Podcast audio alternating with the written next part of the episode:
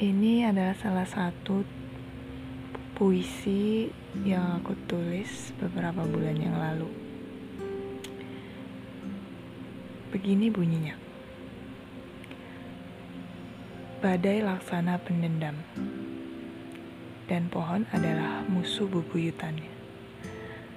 Digoncangkannya dahan-dahan pohon itu, ditiupnya kencang dedaunannya.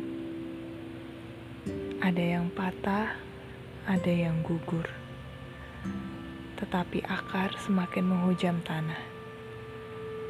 Tak terlihat.